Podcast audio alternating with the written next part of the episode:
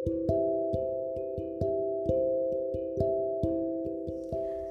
jadi ini podcast kedua. Lo bingung kan? Kayak lo kaget gak sih? Kayak ih kapan-kapan udah bikin podcast gitu? Jadi sebenarnya gue udah pernah bikin podcast pas gue kelas 7 atau kelas 8 kayaknya tahun 2020 awal ya gue sekitar umur 13 tahun di situ. Gue bikin karena gue gabut. Ya gimana ya? Karena kan pandemi gue jadi kayak gue ngapain? Biar gue nggak gabut gitu di rumah yang di mana teman gue hanya bantal dan guling serta kasur yang empuk di mana gue bisa berbaring bebas gitu. Jadi ya itu temen gue sih sebenarnya udah udah saling akrab banget gitu.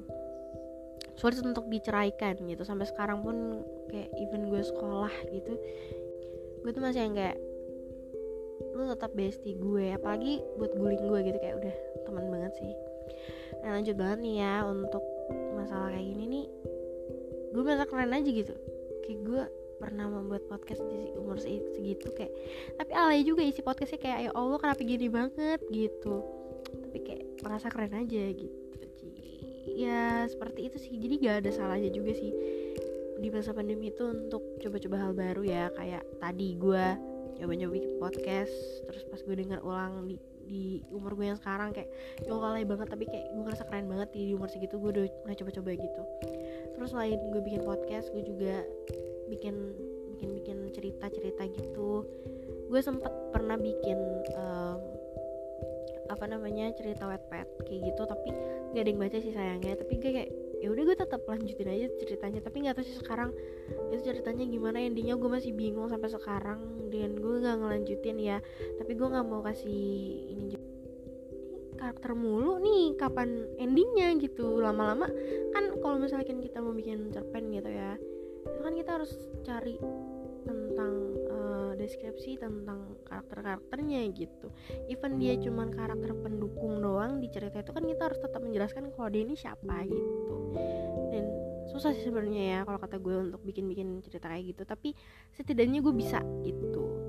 Punya pengalaman ya pengalamannya ya karena pandemi juga sih sebenarnya ya. Karena kan gue bilang gue coba-coba karena di sini ceritanya sedang mencari identitas diri gitu gitu menurut uh, pelajaran sosiologi identitas diri itu penting banget kalau kata gue ya. Di pelajaran sosiologi itu banyak banget ilmuwan yang sedang mempelajari apa sih gunanya mengenal diri sendiri itu sebenarnya banyak banget gitu penting banget ya apalagi kita sebagai remaja gitu ya kan.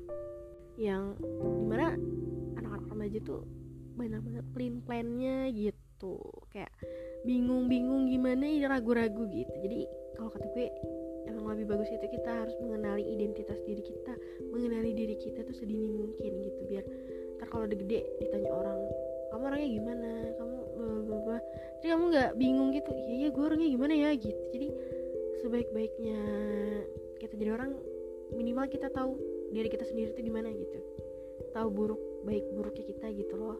Jadi nggak gimana ya nggak semena-mena juga gitu loh nah gitu. Jadi begitu seputar identitas diri ya guys ya.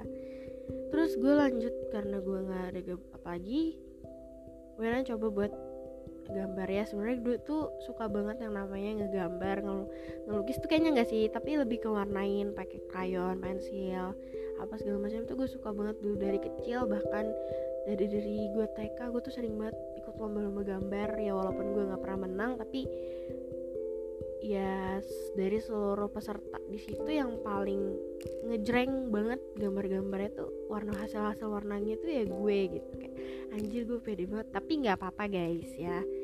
Ya intinya gue emang suka banget yang namanya hal-hal seni kayak gitu dari kecil. Terus gue juga dari kecil suka banget nari gitu ya. Gue dulu tuh anaknya hyperaktif banget. Nggak tahu sekarang kenapa jadi mageran parah kayak ngelakuin apa pun tuh kayak di mata gue aduh gue males banget gue males banget gue males banget. Kayak udahlah mending tidur ya kayak gitu kayak dalam hati gue ya. Ya mungkin karena faktor pandemi juga kali ya. Jadi ini kebanyakan hidup gue gara-gara faktor pandemi bagaimana nih gitu. Kayak apa apa di di, di tonton dengan pandemi. Tapi nggak apa-apa guys. Di situ juga kita sedang mencari jati diri kita gitu. Nah terus um, ya pokoknya gue suka dengan hal-hal kayak gitu gitu. Terus gue iseng nyoba buat ngelukis. Jadi gue beli alat alat lukis itu pakai ya gue sendiri gitu. Awalnya gue juga nggak terlalu diizinin sama bunda gue sih kayak buat apa? gitu. Tapi gue buktiin kalau gue tuh harus punya karya gitu. Kayak ibarat gue cuma di rumah doang yang penting gue bisa ngasihin suatu karya gitu.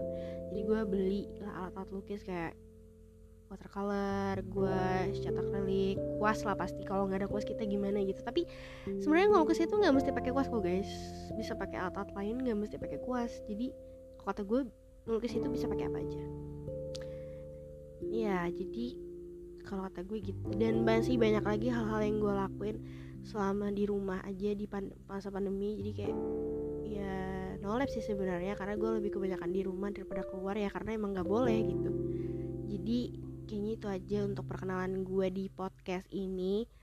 Jadi ya udah deh segitu aja ya. Assalamualaikum warahmatullahi wabarakatuh. Makasih udah dengar dan semoga kalian gak bosan denger podcast gue selanjut selanjutnya gimana ntar oke? Okay?